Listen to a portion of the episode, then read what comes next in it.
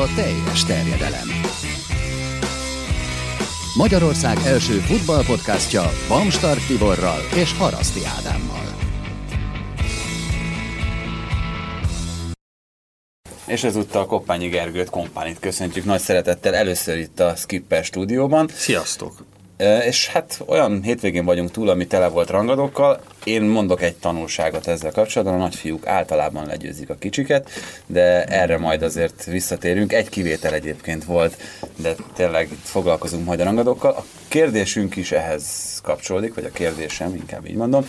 44 találat előzte meg, vagy 44 passz előzte meg a legutolsó találatot a Manchesteri derbin, amit ugye Gündogan szerzett és majdnem két percig tartotta előtte a Manchester City a labdát. Tudjátok-e, hogy mi a rekord? Ezt ugye az Opta számolta össze, tehát úgy kell számolni ezt a rekordot, hogy amióta az Opta méri az öt nagy bajnokságnak a statisztikáit. Én mintha olvastam volna valami olyasmit, meg nem mondom, hogy hol, mintha pont a Manchester United tartaná ezt a rekordot, és még bőven a Ferguson érából. Mondhatok egyébként időtartamot, meg passzámot is. Tehát, hogy nekem ebben az a nagyon gyanús egyébként, hogy ha már hozzátette Tibi a nagy bajnokságot, hogy akkor nem létezik, hogy ez ne egy izé Barca rekord legyen. Jó, hogy a, a kérdés a topligákra az vonatkozik? Az a topligára Ja, azt hittem a Premier League. Aha. Hódzi Herőany Barszának Hát ak- akkor, akkor én is egy egyből a Barcelonát mondanám. De akkor meg lehet, hogy nem tenné fel ezt a De, hogy... Na, mondjatok egy számot, kérlek. Mert hány passz volt most? 44. Akkor és legyen 43. 5 másodperc, ilyen 2 percig ah. tartott a labdabirtoklás. Nagyon sokat segítettél ezzel. De mondom, hogy mondhatok időtartamot is, tehát hogyha azt mondtak, az is, az is nekem Jó, nem, tudom. nem kívánunk belemenni a mocskos kis játékaiba. 55, szeretem azt a számot. Na, egyébként nem rossz. Hogy a rekord ennél több? Igen. Igen. Ja, azt mondom, hogy ez most egy rekord lett, és... Nem. Aha! Én vagyok hülye, vagy Ád egy kicsit értettem. Jó, én is értettem meg elsőre, úgyhogy... Na, jó, akkor én vagyok hülye. Akkor legyen 45, igen. 45, igen. Ja, egyébként volt egy 45-ös. Na mindegy, erre majd visszatérünk. Viszont mielőtt elkezdenénk, ismét szeretnénk megköszönni a Gaminátornak a támogatást és a szponzorációt a műsorhoz. Ez egyik legnagyobb játékos közösség, amely otthonról elérhető, de lehet tölteni az appot a telefonotokra, és teljesen ingyen játszhattok rajta. Csak nem fog összejönni, mi, hogy most kattanjon. Pedig jó lenne, hogyha kattanna. Várjál. Ádi. Ez csak a bónusz volt, ez nem ér. Nem meg. Na, ez jó volt. Ezzel érdemes komolyabban is foglalkozni, Ádi. no, és van egy kérdésem, ami szintén a kedves hallgatókra vonatkozik, meg hát majd rátok is, addig gondolkozhattok rajta, mert amíg eljutunk idáig, addig azért még el fog telni egy kicsi idő. Szóval José Mourinho jövőbeni pályafutását érdemes egy kicsit boncolgatni, hogy szerintetek mi lehet az ő útja, benne lehet akár az is, hogy még hosszú távon a Unitednél, ha nem a United, akkor esetleg klubcsapat, válogatott, ha klubcsapat, akkor milyen irányba. Szóval erről szerintem érdemes majd egy kicsit még itt elmélkedni a végén. Viszont mielőtt az aktualitásokra rátérnénk, el kell, hogy mondjuk rólad, hogy, hogy amellett, hogy ugye civil pályán is megtaláltad a helyed, amellett a labdarúgó pályafutásod is elindult, most nem arra gondolok, hogy itt te szerzed a 44 passzok utáni gólokat, hanem Pedig? az egyik élvonalbeli csapatnak a játékos megfigyelője, vagy scoutja vagy. Itt most melyik az elfogadott egyébként Magyarországon? A lefordított játékos megfigyelő, vagy a scout? Hát nagyon érdekes ez a kérdés, mert hogy önmaga a scoutnak, a, a scoutolásnak, vagy a játékos megfigyelésnek az intézménye elég gyerekcipőben jár azért Magyarországon. Ahhoz képest még nem az elmúlt 5-10 évhez mérném, hanem mondjuk ami Nyugat-Európában megszokott. Tehát ahhoz képest, ha Magyarországot vesszük, akkor a, akár az NB1-es csapatok is kevesebbet áldoznak a scoutolásra, vagy a játékos megfigyelése. Nem tudok erre neked pontos választ mondani, hogy mi az elfogadottabb. Szerintem semmi gond nincs azzal, ha lefordítjuk és játékos megfigyelésnek hívjuk, de egyébként szerencsére egyre több ezzel foglalkozó kurzus is van, ahol nemzetközi szakemberek oktatják ezt ennek a tudományát. És mennyi időbe teltem eddig mondjuk, mondjuk, hogy nulláról, nulláról indultál végül is, mint játékos elem, vagy mint játékelemző, meg hát mint blogger, mint újságíró benne voltál valamilyen szinten, de mondjuk ebben a tárgykörben az első ismereteidet te is, hogyha jól tudom, tanfolyamon szerezted, szóval meddig tartott az, ameddig, ameddig azzá váltál? Én még nem is nagyon merem magamat teljes értékűnek hívni, pontosan azért, mert én is pár hónapja csinálom ezt egy klubnál. Való igaz, hogy egy tanfolyamon szereztem meg azt a tudást, amivel jelenleg bírok. A Football Education Centernek van egy erre vonatkozó kurzusa, és ők csináltak először nem csak alap, hanem pro szintű tanfolyamot is, Ricardo Gufanti előadó vezetésével, aki egyébként ugye az Udinézének volt a vezetőjátékos megfigyelője, most azt hiszem a Kajárinál van. Mindig elmondják róla, hogy ő volt az, aki Alexis Ale, Sanchez hát igen, igen, Európába hozta, de azért ezt nem úgy kell elképzelni, mint Delhúza John, hogy megírta a Nikasi Periménut, és ebből él 40 éve, tehát gyanítom, hogy neki kicsit sokrétűbb a tapasztalata. És Gergely Robi Emanuel. Pláne. És azóta pedig a klub jó voltából egy másik tanfolyamit is elvégezhettem, a, az IPSO International Professional Scouting Organization, vagy a, talán hm. így, így van a betűszó, ahol pedig, pedig a Middlesbrough-nak a, a head scoutja tartott hm. egy Na, hát ez tök érdekes, előadást. Éreztél valami fajta komoly filozófiai megközelítésbeli különbséget az angol, illetve az olasz scout rendszer között? Vagy, vagy ez annyira globális, hogy ebben nincs? Részleteiben biztos van egyébként. Azért azt tudni kell, ha bárki a Football Manager nevű játékot elindította már a gépén, azt tudja, hogy ott is nagyon fontos egyébként a játékos megfigyelés, és azért az újabb elmúlt négy-öt évben kiadott verziókban már bőven lehet olyan report mintákat látni ebben a programban is, ami nagyon hasonló, talán megközelítőleg ugyanaz azt a sémát követi, amit egyébként a klubok, scout csapatai is csinálnak, tehát hogy én azt gondolom, hogy az angliai, illetve az olasz ö, ilyen report minták is nagyon hasonló felépítésűek, ö, de lehetséges, hogy az átigazolás, mikor az átigazolás előkészítő folyamat a végére ér, a kiválasztásnál ö, már talán máshogy, máshogy gondolkodnak a különböző futballkultúrák képviselői. Az lehet ebből a szempontból az érdekes, hogy mondjuk míg az Udinézénél azért egyértelműen, hát egyrészt több irányba is már ugye ott a, nem is tudom, cégcsoportnak, vagy minek nevezzük ezt, klubcsoporton belüli? Mm, igen. Előkészítés. Klubcsalád. Igen, a klubcsaládon belüli továbbértékesítés lehetőségére is gondolni kellett nyilván, de még inkább arra, hogy egyébként is majd olyan játékosokat szerzetesnek, akiből nyilvánvalóan pénzt tudnak csinálni. A Middlesbrough-nál meg nem tudom mennyire érzik magukat ebből a szempontból végfelhasználónak. Hát nyilván a Middlesbrough sem végfelhasználó. Végfelhasználó egyébként szerintem nagyon-nagyon kevés klub van a világon, nem?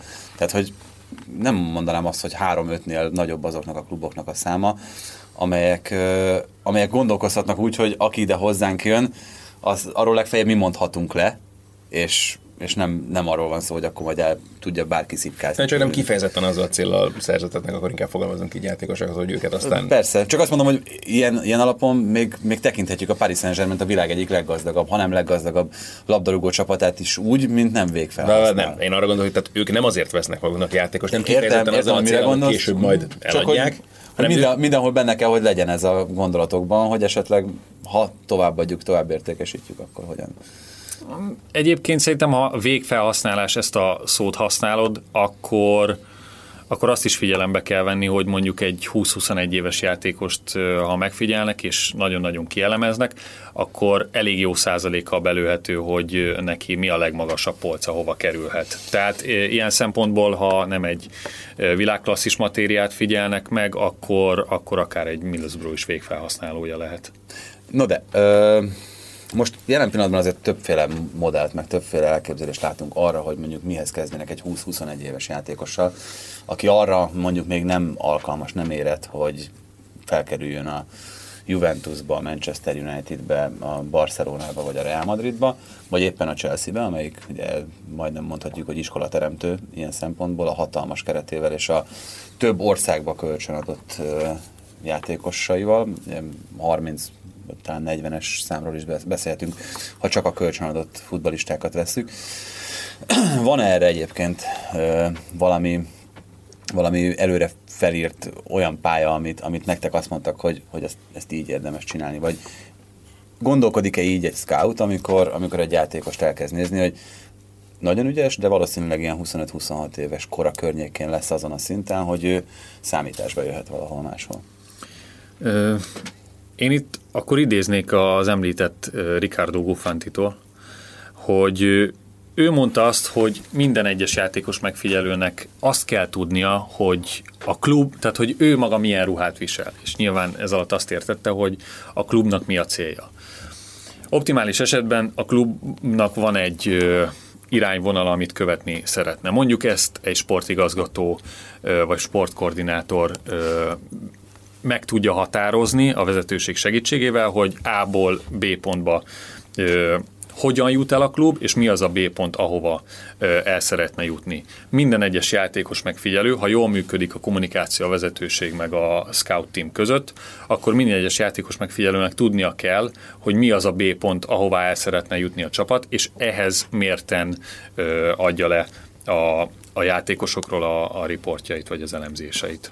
Mm, szerintem ezt, ezt minden klubnak külön, külön kell kezelnie, és nagyon pontosan ö, le kell kommunikálni a, a scoutoknak, hogy, hogy mit várnak el tőle. Én egyébként ö, azt, azt érzem, hogy a, a jelenlegi klubnál ez, ez abszolút működik.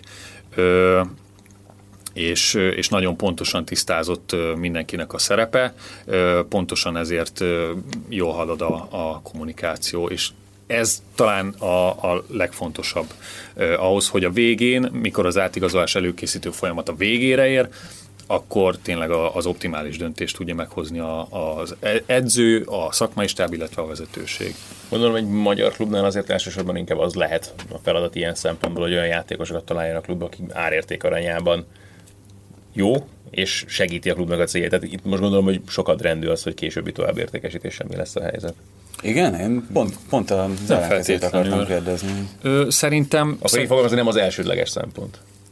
Szerintem meg az az elsődleges, Kíváncsi vagyok. Ö, Szerintem Magyarországon még ez sem biztos, hogy egységes, uh-huh.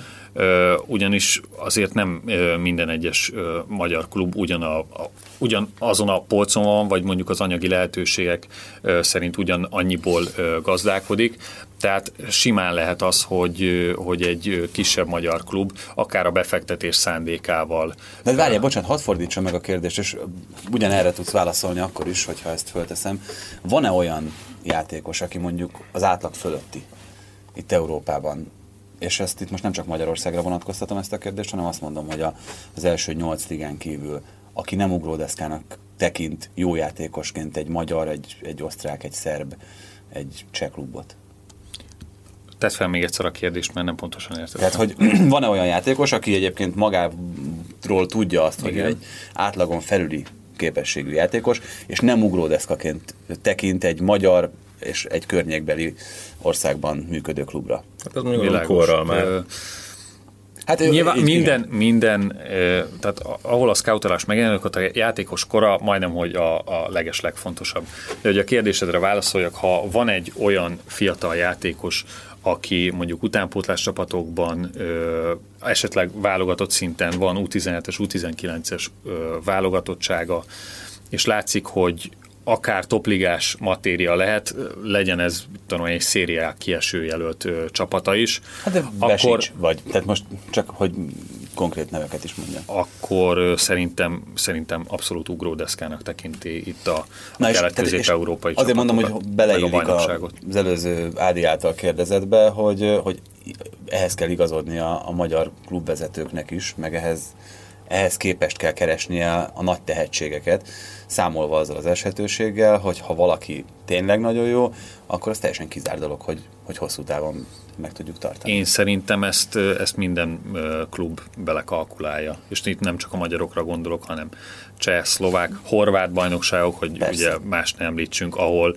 tényleg 19-20 évesen már nem tudom, ott a liga színvonalát tekintve van Horvátországban egy kiemelkedő játékos, biztos, hogy nem fogott maradni hosszú évekig, pláne, hogy a, tényleg a itt a környéken is a horvát bajnokság és a horvát élcsapatok is ö, kimondottan a játékosokat szórják szét a, a topligákba, de valószínűleg ezt az összes ö, környékbeli bajnokság ö, csapatainak vezetője pontosan tudja, hogy egy topligás matériát nem fog tudni négy-öt évig megtartani.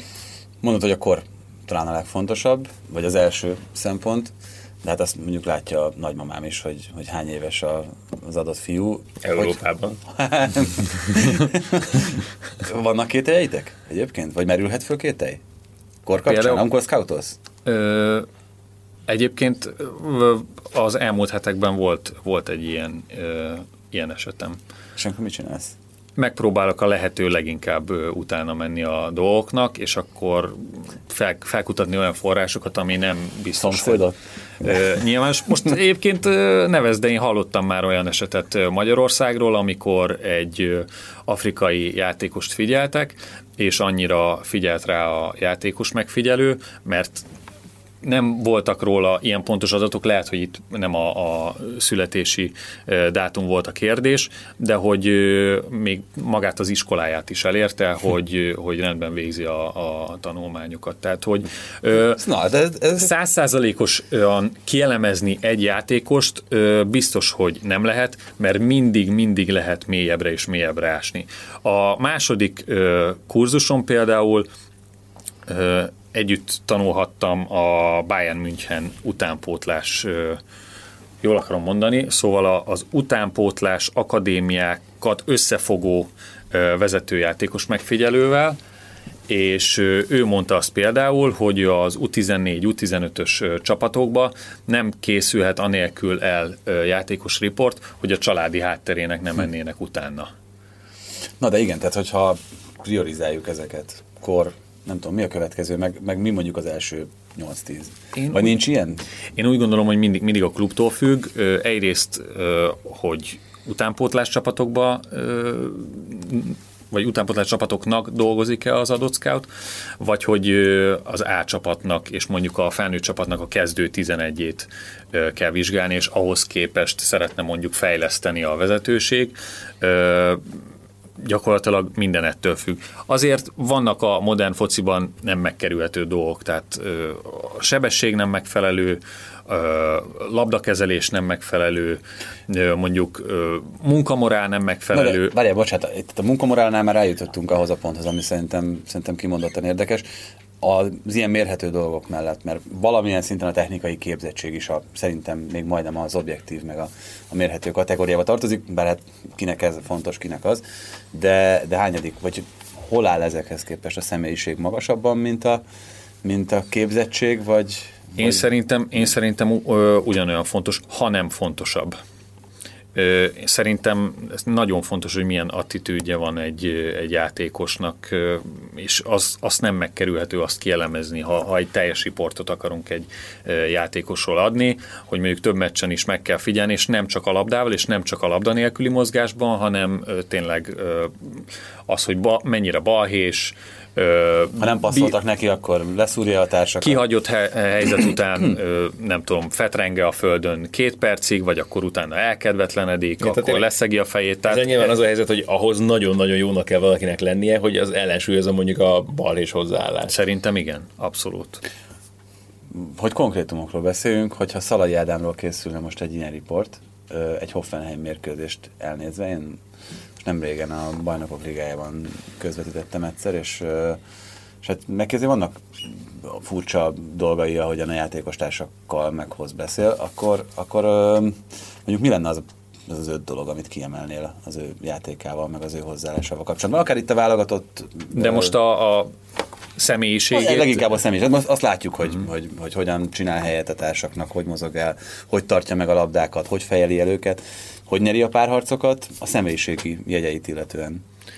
Én őszintén szóval azért nem láttam még annyira kirívó dolgot Szalai Ádámtól, a, ami, ami alapján azt írnám bele róla egy uh, riportban, hogy uh, balhés játékos vagy, vagy rosszul kommunikál, vagy sokat uh, dumál játékon kívül a, a bíróval a agresszív, vagy a hajlamos elveszteni úgy a fejét, hogy abból uh, nagyon komoly lapeltiltás veszély legyen. Tehát én ennyire kirívó dolgot uh, nem láttam uh, tőle én amikor ezt figyelem, akkor igyekszem csak arra korlátozni, hogy amiből a csapatnak igen komoly kára származhat, azokat ö, elsősorban leírni. Az, hogy mondjuk nem megfelelően kommunikál a társakkal, hogy miért nem passzoltál, ez, ez számomra a belefér a mérkőzés hm, hevébe. Hát pont, pont valami ilyesmit akartam hallani azért. Balotelli? Uh-huh.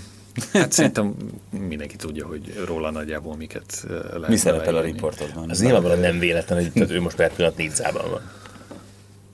És na, nagyon furcsa, mert ki tudja, nem képzettebbe technikailag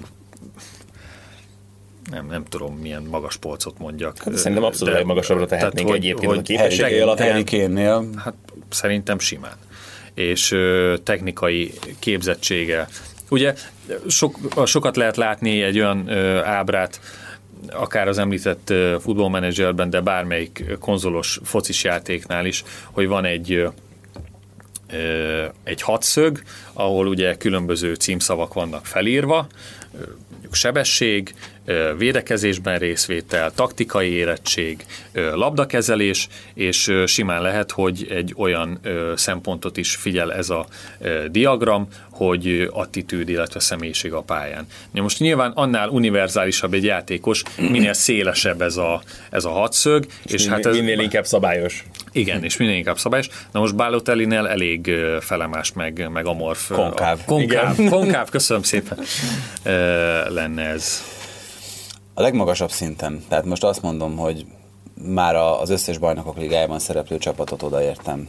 Ott ö, vajon mennyire adnak, vagy nem tudom, belelátsz ebbe, hogy mennyire adnak a scout véleményére egy, egy igazoláskor. Tehát például, amikor, amikor leigazolta Kajahont a, a Napoli, akkor ö, azt lehetett olvasni, aztán jó ég tudja, hogy ezek honnan származtak ezek az információk, hogy hogy Rafa Benitez azért igazolta le őt, meg azért szerette volna őt, mert kellett egy olyan játékos, aki nagyon hatékonyan támad le az ellenfél tér felén.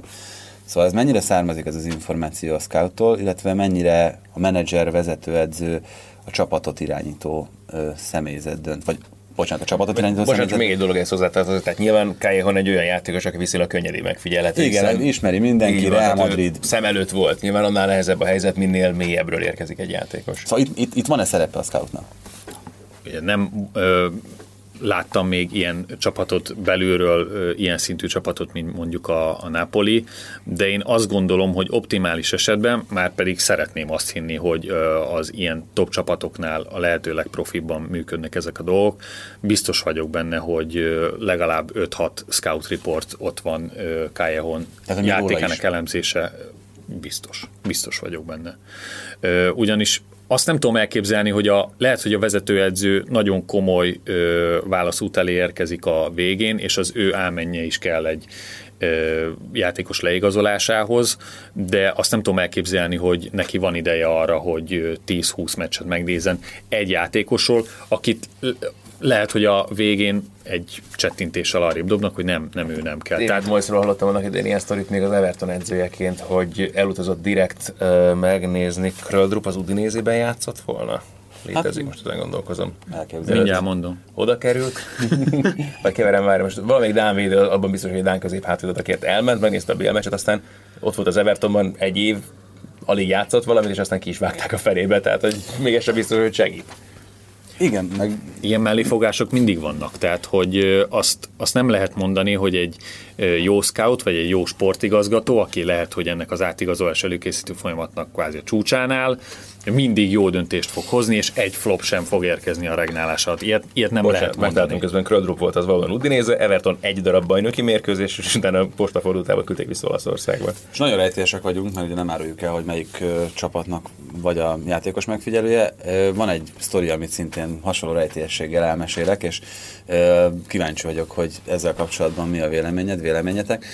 Ugye egyszer hallottam azt, hogy van egy magyar szinten viszonylag sokra tagsált vezetőedző, aki nagyszerű edzéselméletből nagyon jó elképzelései vannak azzal kapcsolatban, hogy milyen focit szeretne játszatni a csapatával, viszont gyengéje az, hogy nem ismeri kellően jól a piacot, és nem tudja azt, hogy ha a keretet szeretne bővíteni, akkor, akkor hova kit uh, tudjon tenni akkor, hogyha van scout rendszer mögötte, akkor ez lehet szempont? Hát meg, bocsánat, tehát ugye azt gondolom az ember, hogy jó, nyilván most Magyarország mint egy más helyzet, de ugye nyilván minél feljebb megyünk ezen a létrán, azért ez ugye erőteljesen a szakmai igazgató és az ő stábjának a feladat azért már, hogy a igen, tehát igazából arra is vonatkozik a kérdés, és nem csak magyar szinten, hogy, hogy kell-e ismerni egy edzőnek a piacot, és kell-e tudni azt, Szerintem ez egy nagyon jó kérdés, és én erre azt mondom, hogy szerintem nem. Ugyanis ö, egyrészt a, a vezetőedzőknek a dolga, illetve a, a munkája, az szerintem merőben más most már, mint, mint 20 évvel hát ezelőtt. Egyre jobban szeparálódik. Hát Csank János, Igen, és János uh, legendás füzete, amiben ugye a harmadosztályig állítólag minden játékosról volt feljegyzése, az már egy idejét múlt. Valami? Biztos vagyok benne, hogy az volt. Én nagyon szívesen megnézem azt a kockás füzetést, hogy melyik játékosról mi, mi volt leírva. Ö, Ebben azért nagyon nagy segítség az internet, elérhet, internet elérhetés, mert egy csomó olyan info egy perc alatt megvan, ami nem biztos, hogy szegény Csank Jánosnak a rendelkezésére rendelkezésére állt, de visszatérve a vezetőedzőknek a, a feladatkörére, azt hiszem Fáhának volt egy hát talán négy-öt évvel ezelőtti ilyen 20-30 perces előadása, ami elmondta, hogy ő hogy delegálja az asszisztensei között is. A, a YouTube-on a holland válogatottról. De a, a válogatottán a, a VB előtt, előtt vagy be, VB után, amikor ugye egész jól szerepeltek 14-ben, és abban ő is elmondta, hogy neki mire van kapacitása, és hogy egy csomó, ez is nyilván nem ő fog levezényelni, a bemelegítés már nem ő fogja levezényelni. Én elképzelhetetlennek tartom azt, hogy, hogy egy jó vezetőedző olyan univerzális legyen, hogy a bokros teendői mellett még, a, még komplet piacokat ö, térképezzen fel. Igen, de akkor hol van az a, vagy, vagy ez, már, ez ilyen régi romantikus megközelítés? Amit, a klasszikus menedzser az már ilyen ebből igen, a szempontból. Tehát, hogy, jó, csak hát, hát hogyha, hogyha ledelegel a... más feladatokat, azt mondjuk, hogy nem ő tartja az edzést. Még a taktika kidolgozásáért sem feltétlenül ő fel, mert van mögötte egy agy, aki videóelemzőkkel, mindenkivel egyeztetve azt mondja, hogy ennek a játékosnak így kell helyezkednie. Tehát a döntéseket neki kell meghoznia. A döntéseket neki kell meghoznia, és, és menedzserként azért például, például Angliában, meg egyébként részben azt mondom, hogy Olaszországban is ezek a személyes kapcsolatok még mindig nagyon sokat számítanak, hogy a, ő fogadja a repülőtéren az érkező játékost, és, és akkor itt lehet tovább göngyölíteni, vagy, vagy gördíteni ezt a, ezt a dolgot, hogy és esetleg ő választja ki, vagy ő mondja azt, hogy hogy igen, nekem erre, erre a srácra szükségem van. Biztosan van ilyen, akkor lehet, hogy félreértettek. Nem, nem, nem, teljesen jó. Tehát, hogy, Értem, hogy, hogy biztosan van olyan, hogy ő is lát meccseket, megnéz más típusú bajnokságokat, más játékosokat, és a, Kicsit szomorú vagyok, flash, hogy, hogy erre nemet mondtál, hogy, hogy, a, hogy a, azt mondtad, hogy ez nem az edző feladata, mert az hát én, én elképzelésem... Az egész igen, szerintem persze. nem, nem, már Angliában sem. Értem, amit mondasz, csak nem szeretem. Jó, okay. Sajnálom, hogy csalódást okoztam, de én, én úgy látom, hogy, hogy erre, erre biztosan nincs egy, egy foglalkoztatott tudod, tudod, mi a helyzet? Az, hogy, hogy uh, még a mai napig úgy beszélünk közvetítésben, műsorfelvezetésben, mindenben, hogyha van egy játékos, őt XY vitte oda. Ugye? Igen. Tehát, hogy ő nála került be először a kezdőcsapatba, és akkor arról beszélünk, hogy a felelőssége az nulla igen. gyakorlatilag. Innentől, hogyha, hogyha abba az irányba tartunk, hogyha még nem is tartunk ott, amit mondasz, hogy hogy nem feladata, de hogyha ebbe az irányba tartunk, akkor... Hát komoly, nagy, hogy mondjam, meghatározó mérvi igazolás után nyilvánvalóan kikérik, gondolom én biztos, a véleményét. Sőt, de... sőt, lehet, hogy, hogy ő mondja azt mondjuk egy Premier League csapatnál, hogy na akkor róla kérek egy, egy nagyon részletes elemzést, mert nekem mm. tetszett, és kíváncsi vagyok, hogy, hogy a scout team is így gondolkodik-e, de még az is lehet, hogy óriási megfigyelés nélkül is azt mondja, hogy nem érdekel senki más véleménye, nekem kell. És akkor az már az ő bulija, hogy, hogy, hogy viszi, keresztül, viszi keresztül a vezetőségen ezt az akaratát, de azt hiszem, hogy ez inkább a kivételes, mint az általános dolog. Hm. Nagyon, nagyon érdekes szerintem ez a világ. Szerintem Arra lennék még kíváncsi, hogy neked hogy néz ki igazából most ez a munka, hogy te dolgozol egyébként, és ugye úgy fogalmaztuk az hogy van civil szakmád is. Jogtanácsos vagyok, igen, ez a, ez a főállásom. Csak hogy fér meg mellette, vagy hogy tudod összeegyeztetni? A szabadidőmben. Ugye azért... Meg hogy néz ki igazából azért, hogy mi az, ami konkrétan mit csinálnod kell, mint scout? Főleg a, a játékos riportok elkészítése, a, ami fontos, és hát ebből adódik az, hogy én például most az elmúlt fél évben arányaiban sokkal kevesebb top focit nézek, mint, mint évekkel ezelőtt, és egyre több olyan meccset látok, amit magamtól egyébként biztos, hogy, hogy nem néznék meg, vagy nem néztem volna meg. Nyilván szabadidőmben pontosan meg tudom nézni ezeket a meccseket, annak is köszönhetően, hogy nagyon fejlett szoftverek állnak már a scoutok rendelkezésére, konkrétan olyan kivonatokkal, hogy ha mondjuk egy csapat keres hasamra ütök egy, egy magas csatárt, akkor lehet szortírozni ezeknek a programoknak a segítségével, mondjuk 185 centi feletti 9-es, poz- feletti meg. 9-es pozícióban lévő, a lévő csatárt keresünk, és mondjuk azt kéri a, a Head Scout, vagy, vagy akár bármely, bárki a vezetőségből, hogy, hogy ez a csatár nagyon jól fejeljen, akkor a, a mai programok tudnak bőven már olyat, hogy összevágja neked fél perc alatt egy ö, hosszú videósorozattá az összes fejelését az elmúlt tíz meccséről. Tehát, hogy azért ez nagyon ö, nagyban megkönnyíti ö, a scoutok helyzetét, és ö, hát Csank Jánosség idejéből ki tudunk lépni. Hát köszönjük szépen. Szerintem még később egyszer mindenképpen érdemes erről beszélgetni. Úgyhogy hogy, ha... hogy hozattam Alexis Sánchez Kalibert Hát igen, tehát várjuk az első Alexis Sánchez Magyarországra. Az első. Nem mondjuk én melyik, is. Én is. nem mondjuk melyik klubhoz, de, de szeretnénk már látni. És azt az Alexis Sánchez beszélt rá, hogy ne gyúrja így ki magát, mert, mert különben nem lesz elég dinamikus, mint amilyen És ne röhögjön a padon, ha épp ég. Szép átkötés volt? Nagyon jó, igen. Kezdjünk azzal? Én Manchesteri derbivel. Azt mondtam itt a felvezetésben, hogy nekem az a tapasztalata ennek a hétvégének, hogy a, a nagyfiúk mindig megverik a kisfiúkat. Ennek egy kivétele volt, úgyhogy kezdjünk inkább azzal. Én, nekem meggyőződésem volt még, amiközben néztem is ezt a, ezt a Dortmund-Bayern meccset, hogy nagyon jó, nagyon aranyos, nagyon ügyes, nagyon gyors és dinamikus csapat ez a Dortmund, de annyira kevés a rutin, meg a tapasztalat benne, hogy egy ilyen rangadón az fog dönteni, hogy, hogy ott, ott vannak. De hát itt, itt megdőlt a mottód. Ez Azt mondom, hogy ez a, ez a szabályt meg Az a szép, hogy tényleg én akárkivel találkoztam mindenki, még a meccs előtt is, de figyelj, most majd meglátom, majd most a Bayern, majd Igen, most, most, most, és, és valahogy így is kezdődött egyébként az a Lewandowski góllal. Csak hát tényleg úgy néz ki. vezetés, tehát hogy Persze. Nem, csak tényleg tehát egy kicsit az az embernek az érzés ezzel a Bayernnel, hogy itt, itt, itt, nem tudom, kiöregedett belőlük a győzni tudás, mint olyan. Tehát, hogy és ez a Dortmund meg tényleg olyan éles, olyan dinamikus, és tényleg ez a, ez a legjobb talán kifejezés velük kapcsolatban. Hát, ugyan Rajsz beverte azt a gólt. Tehát mondjuk az, az volt körülbelül a negyedik helyzete, és ez volt a legnehezebben gólra váltható. Ez, a, ez, ez mondjuk sokat elárul a Bayern védekezéséről, de kicsit visszakössünk a témára az előző témára, azért az számomra nagyon furcsa, hogy a Bayernnek a, az öltözője az még mindig tele van olyan emberekkel, akiknek a hozzátartozói nyilvánosan tudják kutyázni az edzőt. Nyilván Thomas Müllerre, meg a kedves Nej posztjára, a korábbi posztjára gondolok, és nyilván nem ilyen Thomas Mülleri magasságokban, de amikor megfigyelünk egy játékost, akkor szerintem, és ezzel lehet vitatkozni, akár azt is figyelni lehet, hogy a közvetlen környezete hogy bánik a közösségi médiával. Turázs.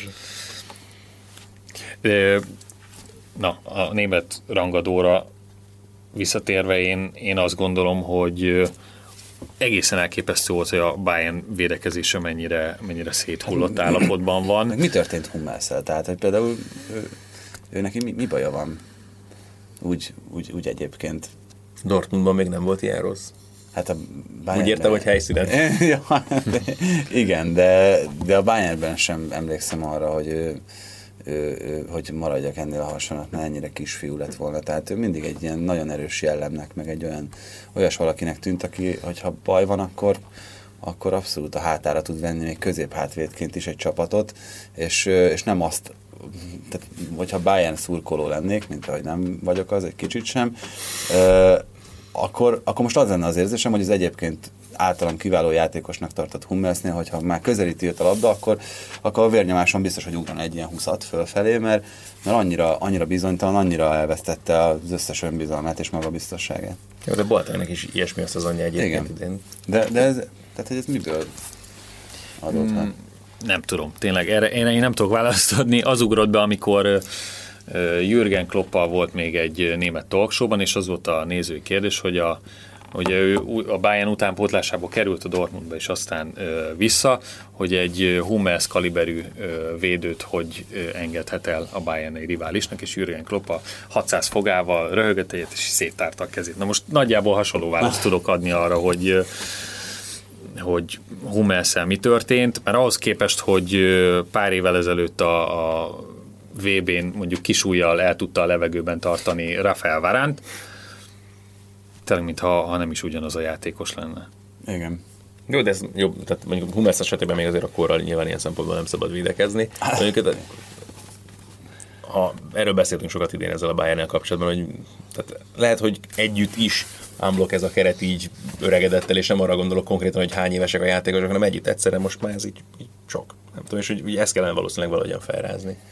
Igen, most itt a legutóbbi heti adás után csak úgy um, jó kedvem pallérozás érdekében megnéztem még egyszer az IHB Fertig Na, sajtájt. Megosztottam én is végig a saját Facebook oldalon. Én annyit tudok németül, hogy, hogy gelbekárte, de, de én is nagyon jó szórakozom. Strunc!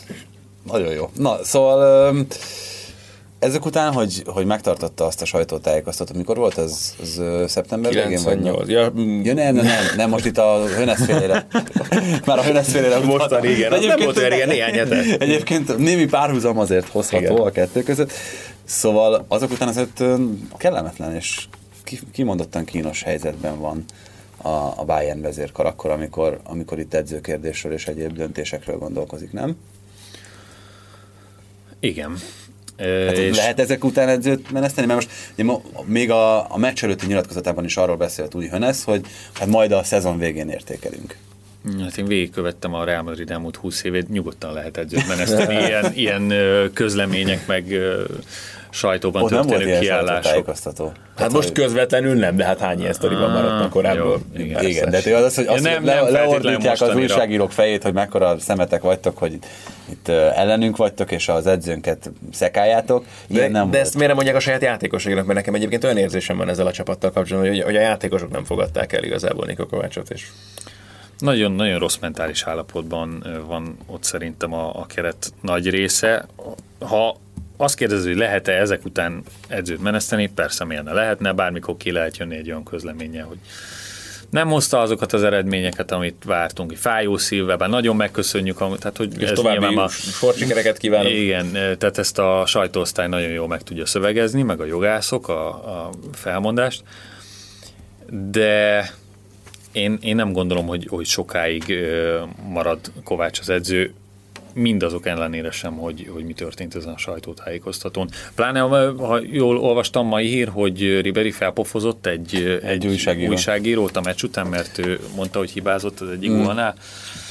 Miről árulkodik ez? Nem, nem hiszem, hogy az ilyen kapcsolatok mentális állapot. Igen. hosszan fenntarthatók. És ezt szerintem a vezetőség is biztos, hogy, hogy be fogja látni.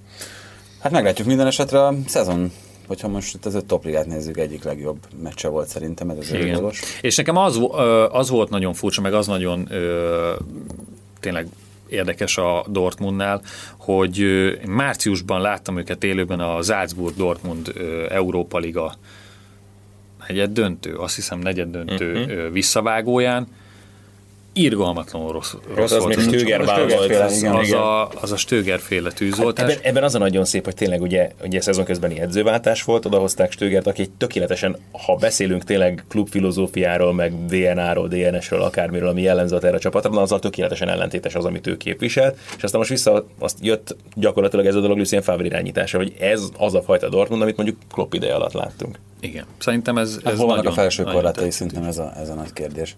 Együtt tartható-e? Mert nem nagyon tudjuk, mert most az meg a másik fel, hogy tényleg ez a, ez a Dortmundi keret meg olyan friss, tehát tényleg tele van olyan játékosokkal, meg olyan tényleg kölykökkel, és a Jaden Sancho érte 18 évesen óriási. Tehát, hogy még, még nem is tudjuk tényleg meghatározni, hogy mi lehet ebben a keretben. Hát meg igen, tehát azt nem látjuk még szerintem a Dortmunddal kapcsolatban, hogy ö, szerintem egy ilyen fiatal csapatnál ott ö, az, hogy ez konzisztensen így maradjon egy egész szezonra, az nagyjából kizárható. Tehát, hogy, hogy egészen biztos, hogy valahol kell jönni egy hullámvölgynek, lehet, hogy egy vereség okozza ezt, lehet, hogy egy sérülés, hát meg az, hogy ahogyan, tehát növekszik majd úgy az intenzitás, hogy oké, okay, tehát így is gyakorlatilag heti két meccset játszanak, de amikor már a bajnokok ligájában igazán fontos meccsek jönnek már egymás után, akkor lesz majd valószínűleg érdekes, hogy mit tudnak ebből fenntartani.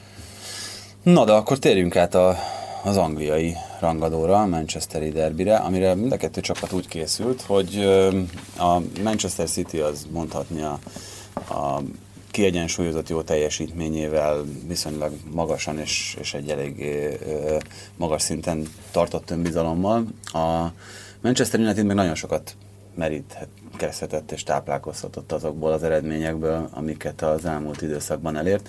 És pont azt fejtegettük mi is, hogy, hogy mi lehet egy ilyen rangadón a fontosabb az, hogy, hogy az elmúlt négy meccsből négyszer fordítani tudtál, és, és kiélezett helyzetben tudtál jól teljesíteni, vagy az, hogy agyonverted a, az utóbbi időben az ellenfeleket, és 5 meg 6 gólokat szereztél, és arra jutottunk, hogy ha ilyen kielezett szituáció lesz, akkor, akkor lehet, hogy ebből a United jön ki jobban. Nem volt kielezett szituáció, szerintem. Szerintem sem. Hiába az elmúlt hetek nagy fordításai, egy percig nem gondoltam azt, hogy, hogy Mourinhoéknak bármi keresni valója lesz ezen a meccsen. Hát ráadásul az első 20 perc után Persze, nem fontos a labdabirtoklási arány, és most egy csomó olyan klub 84-16. Valami 84-10, na igen, én is valami ilyesmit olvastam. Hát ez bődületes. Tehát uh, ugye a, amikor Mourinho meg Guardiola először találkozott, a, az már hogy vezetőedzőként, ellenfél, ellenfélként, annak most már lassan egy évtizede, és ugye mindig hasonló volt a, a felosztás, de de ez, ez akkor is a, a lehető legmélyebben lévő ö, adat, a, meg szerintem lehet, hogy most áll a leginkább ö, távol a két edző egymástól szakmaiságot tekintve, függetlenül attól, hogy emlékszünk még barcelonai 5 0 El után. De, de ebben tényleg az a szép ráadásul, hogy amíg Guardiola-nál még minden évben látunk valami olyan elemet, amiben azt látod, hogy még mindig fejlődik, és még mindig tud új elemet beletenni a saját csapatának a játékába, és még mindig gondolkozik új dolgon, mit tud fejleszteni, és Zsozé meg, mint hogyha teljesen megállt volna ebből a szempontból. Hát ráadásul a meccs utáni interjúban most épp a, hát most épp az újságírók voltak talán hibásak, hogy azok kritizálják őt, akik nem értik a futballt, mert ők a, a, statisztika. a statisztika alapján gondolkoznak. Na most nekem ez egy nagyon árulkodó mondat arról, hogy, hogy akkor ha én egy ilyen mondatot hallok 2018-ban a Premier League-ből, akkor én abból azt a következtetést vonom le, hogy nem halad a korral ez az edző. Azért játékos megfigyelő és egyéb szakmai stábban fellehető szerepkörök mellett most már egyre fontosabb mondjuk a videóelemzés, illetve a statisztikusok, tehát az analistáknak a feladata. Egy csomó Premier League klub, meg topligás klub statisztikusokat is alkalmaz. Nyilván nem olyan... egy céget vett meg ugye például, még itt Wenger utolsó éveinek egyikében. És ha a legfőbb taktikus azt mondja az edző, vagy azt mondja a kispadon, hogy azok Ez nem számít, gyakorlatilag nem értik a futballt, akik statisztikai mutatókból akarják ö, ezt levezetni, az nekem nagyon furcsa. Meg hát sokat mondó. Hát igen, több ilyen, ilyen furcsa dolog van Mourinho kapcsán, ugye még nem beszéltük ki azt sem, amit a bajnokok ligájában csinált. Mi elegáns amit, volt. igen, az sem, amit csapata, meg az sem, amit, amit ő maga utána. Szóval nem, én azt nem értem, hogy, hogy ez, ez, ez mire jó, de itt valószínűleg nem, nem futball kérdéseket feszegetünk, hogyha, hogyha erről beszélünk, hanem személyiségjegyeket. Tehát, hogy, hogy itt ez a statisztikával kapcsolatos nyilatkozat, az, hogy, hogy tényleg, ha komolyan gondolja azt, hogy mindenki rávadászik, meg, meg őt üldözi, akkor tényleg itt egy ilyen inkább pszichiátriai kezelés. Üldözési mánia? Ez egy nagyon komoly üldözési mánia szerintem, ami, ami, ami most már viszonylag hosszú ideje párosul hozzá, és ezt mutatta az a reakció szerintem Torinóban. Ezt, ezt mutatják Minden, hétről minden ebből hétre. eredeztethető egyébként nál az összes sajtótájékoztató, az összes ilyen, mikor a nemet legyőzte. De ez a Madridban is... fertőződött meg, nem? Én szerintem az lehetett, szinte biztos vagyok benne, az váltotta ki, amikor ugye hát nagyon állítólag, de majdnem, hogy több forrásból is megerősítették, a Barcelona kispadjára is pályázott, és ezek után ö, futcsolt be az a projekt, és ezután került ö, Madridba. Tehát, hogy ő, ő, ő nagyon nagyon sokáig hordozza azokat a sebeket, amit szerintem el kellett volna már régen engednie. Persze ez most lehet simán egy ilyen gólörömből elemzés, amit, amit elmondtam, de, de nekem ezt, ezt mutatják a jelek, és abszolút nem tudja elengedni a, a korábbi sérelmeket. És ha már szóba hoztad azt, amit a Juventus elleni fordításnál csinált, azért nagyon érdekes, mennyire hitelesen lehet ezt megcsinálni úgy, hogy közben volt olyan meccs, amikor leteremtette az ellenfél edzőjét, mert az, a, igen. igen, mert az mind a négy gólnál örült. Egy olasz. igen, tehát, és itt ebben, ebben a, ami szerintem a koronát föltette arra a tetre, az, amit a sajtótájékoztatón mondott utána. Tehát, hogy, hogy a, ugyanakkor az, hogy ő, én szembe megyek a világgal, meg, meg engem mindenki utál, meg minden, tehát hogy engem nem érdekel semmi, hogy, hogy, hogy ki mit gondol rólam, de azt mondja a végén, hogy de az Inter szurkolóknak biztos tetszett, amit csináltam. Az, az, az nálam a szánalmas kategória tényleg, nem? Tehát, hogy, hogy most akkor ez tényleg nekik volt egy üzenet, vagy akkor ez, ez most mi volt? Nem, de most azt sem tudom, hogy jön, szó, hogy jön szóba az Inter. Jó, tudom, a Juventus szurkolók anyázták, és elnye benye, és ezt ő már nem tudta uh, tolerálni, és a, hát most nem, nem tudom, hogy mennyire tekinthetjük Mourinho sikerének azt a fordítást, mondjuk én ezt is elég erőteljesen megkérdőjelezem. Hát az De a Manchester... csereként behozott Mata volt végül is a szerep. Jó barátja és nagy kedvence a. Igen. Aki sohasem onnan nem üldözött. De hogy a Manchester United edzője miért üzenget, ugye megint előjönnek a korábbi sérelmek, a Juventus szurkolóknak, mert ő interes volt, és nem, nem, nem is értem azt az egészet. Na és akkor itt jön az a kérdés, amit, amit a kedves hallgatóktól is kérdezünk, hogy szerintük mi lehet Mourinho szakmai jövője, vagy úgy egyáltalán. Um, a Sportingnál most edzőt keresnek. Ott amúgy is jó nagyon a hangulat. A visz, igen, ja. nagyon tiszták a viszonyok, jó a hangulat. Nem, tehát, hogy uh, én azt azért leszögezném, és itt szögezném be, hogy, hogy uh, Számomra Mourinho a futball történelem egyik legnagyobb edzője és legnagyobb taktikusa, aki most mondtad, hogy, hogy Guardiola is sok újat hozott. Én azt gondolom, hogy, hogy Mourinho legalább annyit, tehát a, nem volt olyan edző, aki, aki megtanított és rávett volna védekezésre úgy csatárt, mint mondjuk Etót ő a, a, a Barcelona elleni meccsen. nem volt, nem volt még olyan... nem volt még olyan edző, aki, aki Simeone azóta talán ebben, ebben még erősebb, de előtte nem volt olyan, aki a védekezést, mint olyat, a kétsoros védekezést ilyen szintre fejlesztette volna, mint ő sok mérkőzésen, és azért két olyan csapattal nyert bajnokok ligáját, és azt ne feledjük el, amelyik se az előtte lévő évben, se az utána lévő évben nem, nem ment be a legjobb nyolc közé. Én, én is ebből a szempontból az érdekesebb nyilván, mert az egy, az egy olyan dolog, ami... Hát de, de is, is nagyon érdekes. az a dolog, persze. Figyelj, nem, nem, az az nem, Inter 2008-ban ugyanúgy a, a, majdnem ugyanazzal a játékos kerettel sehol nem volt. Sehol, tudom, én is, úgy, én, is, én abszolút egyetértek azzal, hogy Mourinho szerepe a 21. századi futballban egyszerűen nem megkerülhető. És hát, én uh, azt mondanám, hogy most lehet indulatból azt mondani, hogy ő egy, egy gyenge edző. Nem, nem, nem, nem, nem, nem, de, nem, nem. Zsozé, de, de, csak indulatból, tehát azért mondom. Uh, Zsozé, szerintem én azt nem mondanám, hogy nagyon új dolgot adott volna, maximum egyébként az ilyen pályán kívüli dolgokban hagyjon, aztán elég sok hmm. mindent kezelt. Szerintem. Annak idején én inkább azt mondanám, hogy olyan szintre fejlesztette magát a perfekcionizmus, hogy minden apró részlet a helyén legyen, és ezekből, és ez főleg a védekezéssel kapcsolatos egyébként, mert arról meg sokszor szoktunk beszélgetni, hogy azért támadójátékban, meg a csapat támadójátékának a megszervezésében. Szerintem ez már bőven az új kategória. Tehát, hogy a, a futballban azért annyira újat nem tudsz hozni, hogy akkor most teljes forradalmat csinálsz, és akkor, és akkor e- ezt a rendszert ezt te alkalmazod Szerintem a részleteknek az összeegyeztetés, és tényleg a mindennapulóságra hát való tökéletes hmm, inkább azt mondanám, hogy csak meglépte a 21. század követelményének megfelelő szintet. Mm, taktikai szempontból szerintem sem volt akkora innovátor, mint, mint mondjuk Guardiola, de az, az szerintem is elvitathatatlan, hogy óriási szerepe van a top futball, meg a top ligáknak az alakulásában,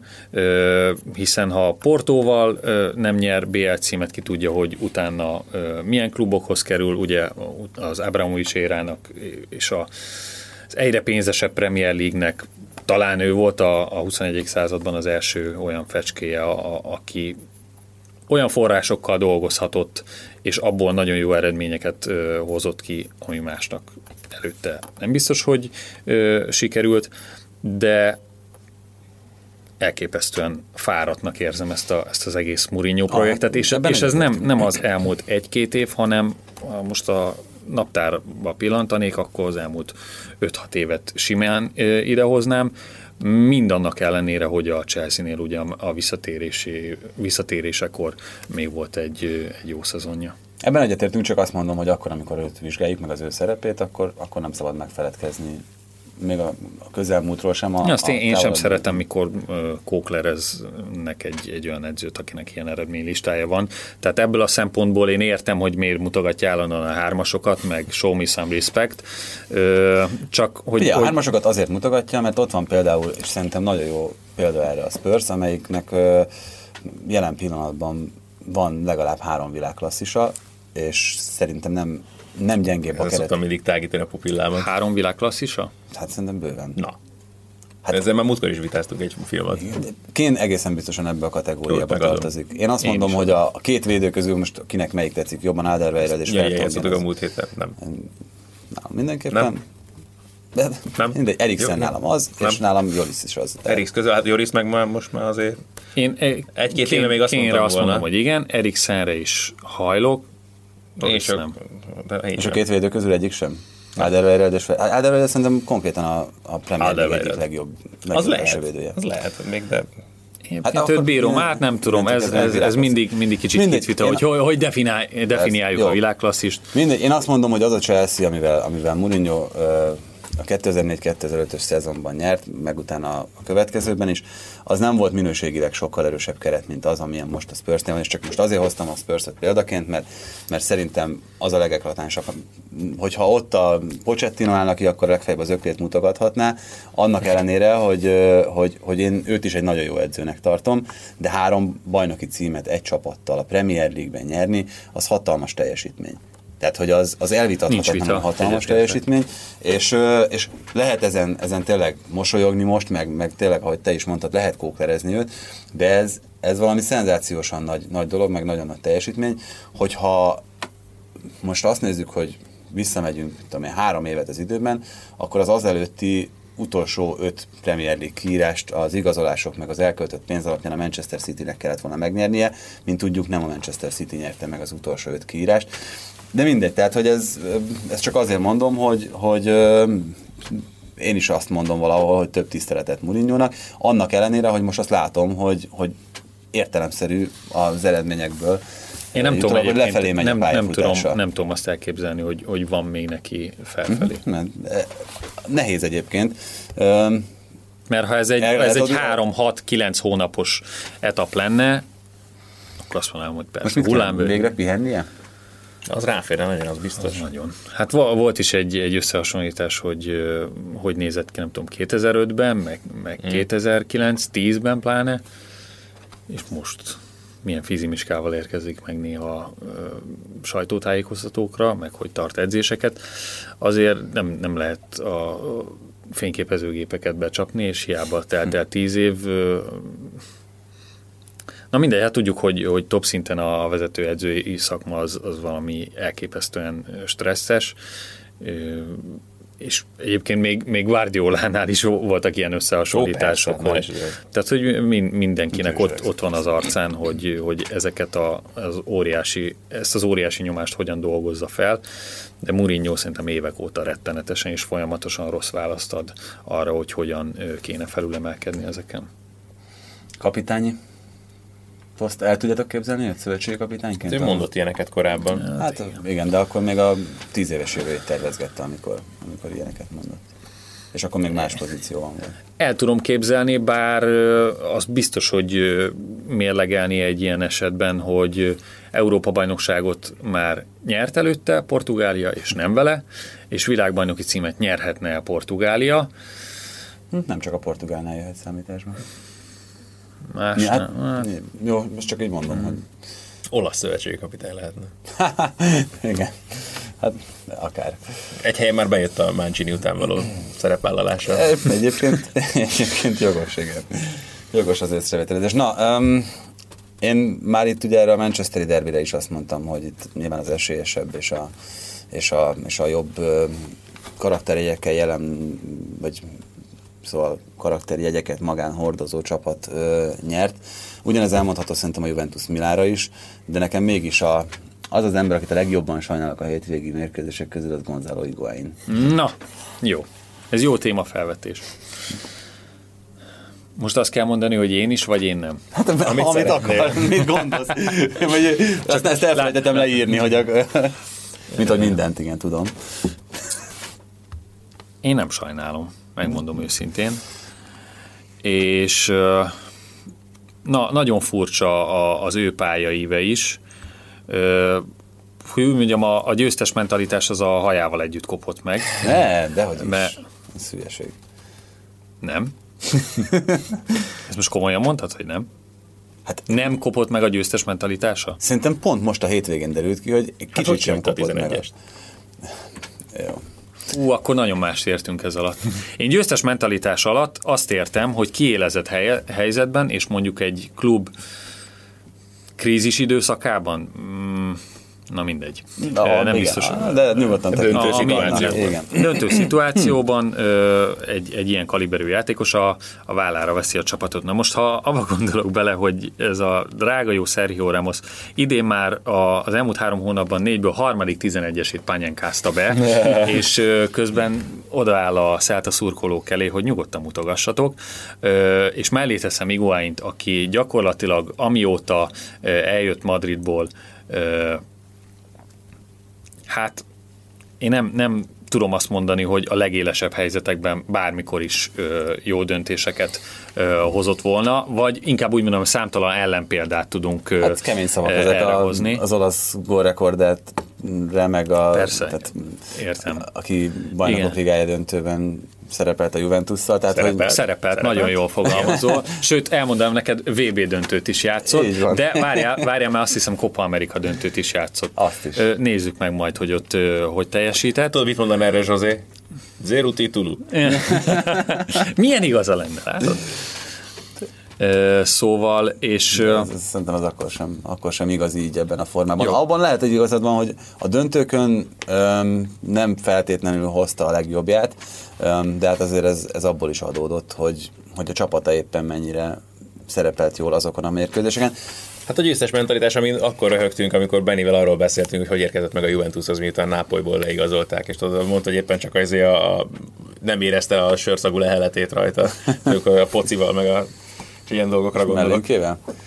Na most ő, kíváncsi lennék tőle is egy olyan gólörömre, mint Cristiano Ronaldo a, Manchester ellen, hogy ott, ott hastályékon és az, az, mondjuk az elmúlt tíz év. Hát ő nem prof... le a mezét. Ja igen, de az elmúlt tíz év professzionalizmusát azért elég erőteljesen beárazná. Hát szerintem ezen a meccs, tehát az, hogy, hogy, hogy a győzni akarás benne mennyire munkál, az... Én nem azt mondtam, ne, Más a győzni a akarás. Ne, a győzni akarás és a, és a győztes mentalitás, az, az nagyon-nagyon két különböző fogalom az én szótáramban. Nekem annyira nem esik távol a kettő egymástól, mert a győzni akarásból jön a győztes mentalitás is valahol, tehát hogy az, hogy állandóan mindenki fölé akarsz kerekedni, és ezért ö, olyan plusz energiákat is képes vagy mozgósítani, mint ahogyan... A, igen, ahogyan ami az... után eltiltanak. igen. É, jó, hát, de ezért mondom, hogy ezért most nagyon sajnálom, hogy ez így alakult, mert az egyébként egy nem rosszul rúgott 11-es volt, ezt szerintem vagy, vagy szerinted ő rontott el? Hát nem, nem ment be. Végül is, akárhogy számom... Berekeztem ezt a műsort. Akárhogy számom nem ment be. Hát akárhogy számom nem ment be, körülbelül tényleg egy ilyen két centivel a kapufa mellett ment volna be, hogyha Cseszni nem érzi, nem ér oda. Ja, persze, tehát most lehet így mutogatni. Nem, de ez ugyanazt, tehát érted, és Csesznivel ott van tessék a győztes mentalitás. Ja, ez, ettől van ott a győztes mentalitás, hogy most Jó, én, én ezt nem, nem, nem, nem, ezt nem mondanám. Én csak felkészült rá. Jó, mondjuk, tehát igen, Csesznit én sem tenném azért ebbe a kategóriába, mert azért neki is megvannak a maga hülyeségei. Bőven. De akkor Ádi, tessék Iguáinról most már te is fejtsd ki az álláspontodat nem tudom, mit hová tenni igazából. Tehát az a baj, Nekünk most, sikerült. Ha, nekem egyébként Dimitar Berbatov jutott róla az eszembe. Új, új, új. Na, Na jó. Manchester United, figyelj, gólt Kérjünk át a Monaco Paris Szerintem, szerintem mindketten, tehát hasonló volt a reakciónk, de teljesen más előjel. Na, mert neked Dimitar Berbatov jobb játékos, mint Gonzalo Higuain? Nem mondtam azt, hogy jobb játékos. Én azt mondtam, hogy ő jutott róla eszembe, még csak, még csak nem, nem, most Gergőt kérdezem. Technikai képzettségben simán. Lehet egyébként, hogy technikai képzettség, mint szerintem nem, nem tehetők egy polcra ők ketten. Na, mindegy, jó van. A boxert hozzátok be, légy Szóval Monaco, Paris Saint-Germain. Ó, nem mondom el, hogy miért hasonlítottam Dimitárbe. Na, tessék, el, most ne, ne állítsd le. De engem, engem érdekel. Nem, mert mind, azt hiszem, hogy Zsirúval kapcsolatban szoktam egyébként mindig emlegetni, amikor arról beszéltem, hogy a Unitedben ugye Ferguson tényleg úgy használta, hogy csak a nagy meccseken nem játszhatta gyakorlatilag Berbatavot, és előtte meg okát tagólokat tényleg nem tudom, a Birmingham City ellen, meg ilyen csapatokkal szemben, és azért a nagy meccseken azért óvatosan vigyázott rá, hogy hát nem biztos, hogy neki kell kezdeni ezen a poszton. Hát Iguain az elmúlt másfél szezonban három Napoli elleni meccset döntött el, ami mondjuk a bajnoki címről határozott az olasz bajnokságban. Ezzel beárasztjuk a Napolit is. Jaj, de okos ez, amit most mondtál. Bazd meg, hát ez hihetetlen. Hú, de jól lesz ez. Hát, de beárasztjuk a Napolit. Azt, amelyik még egy pontra volt tőlük három fordulóval a vége előtt. Tehát azért, mert nem nézel olasz meccseket. Azért, azért, Na, ez itt a győztes mentalitás. Mit nyert a ne, Napoli? A Napoli nem nyert semmit. Na. De ettől függetlenül te meg nem láttad a Napolit játszani, és nem láttad az olasz bajnokikat. Úgyhogy így véleményt alkotni róla szerintem egy kicsit erős. Na, ez most meg az, amit José mondott. Nem, csak hát azért azt gondolom, hogy... hogy, hogy, hogy... Tibi, a Madridban is döntött el ö, bajnoki címeket, tehát azért és az nem, akkor, ne... akkor, akkor nincsen győztes mentalitása. Hmm. Ne, oké, okay. lehet, hogy ebből a szempontból akkor félreértetően fogalmaztam meg túl sarkosan, mert én pontosan tudom, hogy rengeteg gólt lőtt, gólkirályi címek. Sőt, amikor Cristiano Ronaldo odaérkezett Madridban, jobb gólátlaga volt egy szezonban, mint Ronaldónak, és folyamatosan Benzema előtt volt a sorban. Én mindössze annyit mondok, hogy szerintem egy olyan csatár, akitől mondjuk úgy igazol le a Juventus, hogy utána kimondva kimondatlanul is a BL címre és a BL győzelemre hajtanak, oda a győztes mentalitásra, a leges-leges legfelsőbb polcra, az kevés. Jó. Jó? Jó, hagyjátok a boxert, nem kell. Dimitar Berbatov, jó.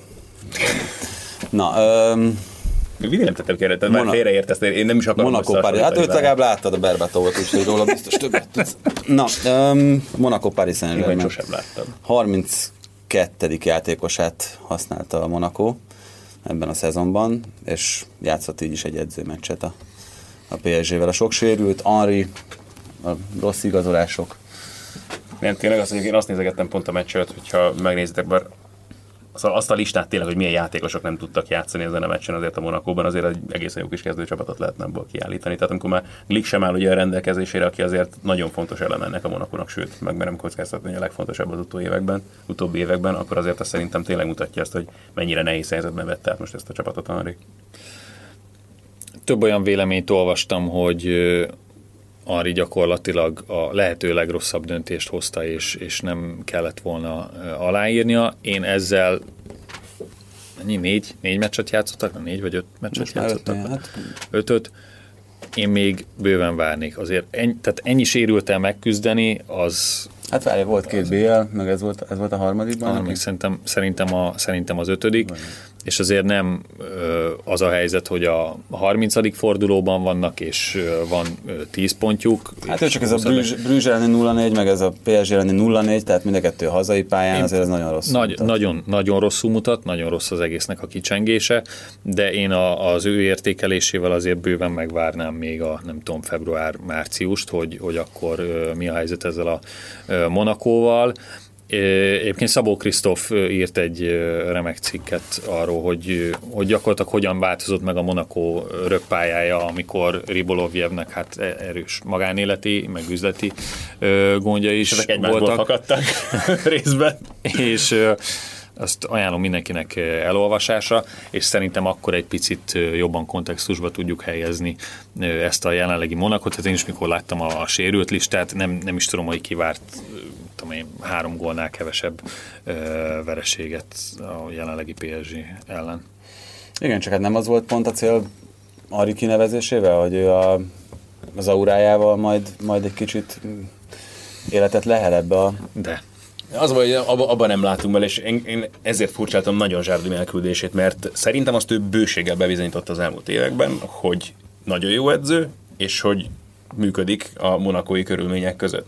Na most lehet, hogy ott ezt tudom még elképzelni, hogy esetleg ott történt valami közt és vezetőség között, mert tehát az bőven bebizonyosodott, hogy fontosabb a klub számára, mint, az, hogy milyen, mint azok a játékosok, akik a keretnek a tagjai, és tényleg már csak ezt a sérült listát is végignézve sem várném a, rá azért ezeket az eredményeket, amik születtek az idei szezonban. Szerintem nem hoztak jó döntést az ő elküldésre. Aztán, hogy a Ari kinevezése meg megint mennyire jó döntés, tehát amikor krízis helyzetben van a csapatod, és hogy tényleg egy 0 kilométeres edzőt ültetsz le, az szerintem megint csak nem egy előremutató döntés, vagy nem egy jól meghozott döntés. Inkább azt mondanám erre, hogy, hogy nagyon vaktában meghozott, és a kimenetele eléggé megjósolhatatlan. Egyébként arányaiban nem volt sokkal könnyebb feladata az idánnak semmikor átvette a teljesen széthullott Benitez gárdát, és akkor ugye úgy hozta fel Perez a, a Castiából. Szerintem annak a kimenetele is hasonlóan megjósolhatatlan volt. Azt elképzelhetetlenek tartom, hogy bárki ezt tudta volna előre megjósolni, hogy, hogy majd három bajnokok ligája győzelmet ér, de én még egyszer mondom, biztos, hogy évelejéig nem, nem foglalnék markáns állást a, a Monaco kérdésben, illetve hogy Ari, annyira, Ari mennyire lehet jó edző. Meglátjuk, hogy így lesz Tartozom még a kérdésnek a megfejtésével. 52 a a pontos adat, és egyébként, nye, nye, nye, nye, nye, nye. és egyébként a Manchester City tartja már a Guardiola féle Manchester City. Ez 2017-ben egy West Brom elleni Liga Kupa mérkőzésen volt, és az a furcsa, hogy ott abból nem lett gól egyébként közvetlenül, hanem... De a Liga Kupa az nem topliga. Úgy, nem, a topliga csapatai közül, igen.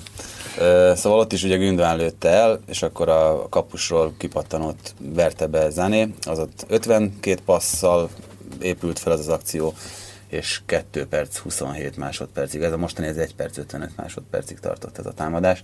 Ha ami... kapusra pattant és úgy lőtte be, akkor a kapus is passzol. Igen, az nem számított bele már.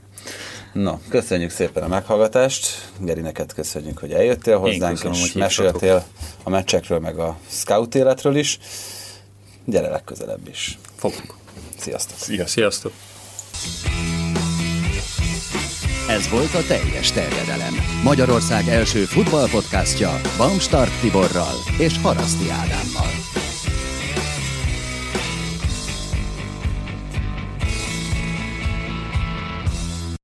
Ha más podcastekre is kíváncsi vagy, hallgassd meg a Béton műsor ajánlóját. El tudod képzelni, hogy a podcastet, amit éppen most hallgattál, fél év múlva már a mesterséges intelligencia generálja? Mi sem. De ha érdekel, eljött már a gépek lázadása. Hallgass bele az Embertelen podcastbe. Orsós Lajos vagyok, a műsor házigazdája. Egyelőre még élőben. Egyelőre. Fedezzük fel együtt, hogyan ismerkedik, randizik, mesél és vitatkozik Betty és Péter, két teljesen mesterséges intelligencia. Lajos, a podcast címét mond még egyszer, Léci. Oké. Okay. Embertelen podcast.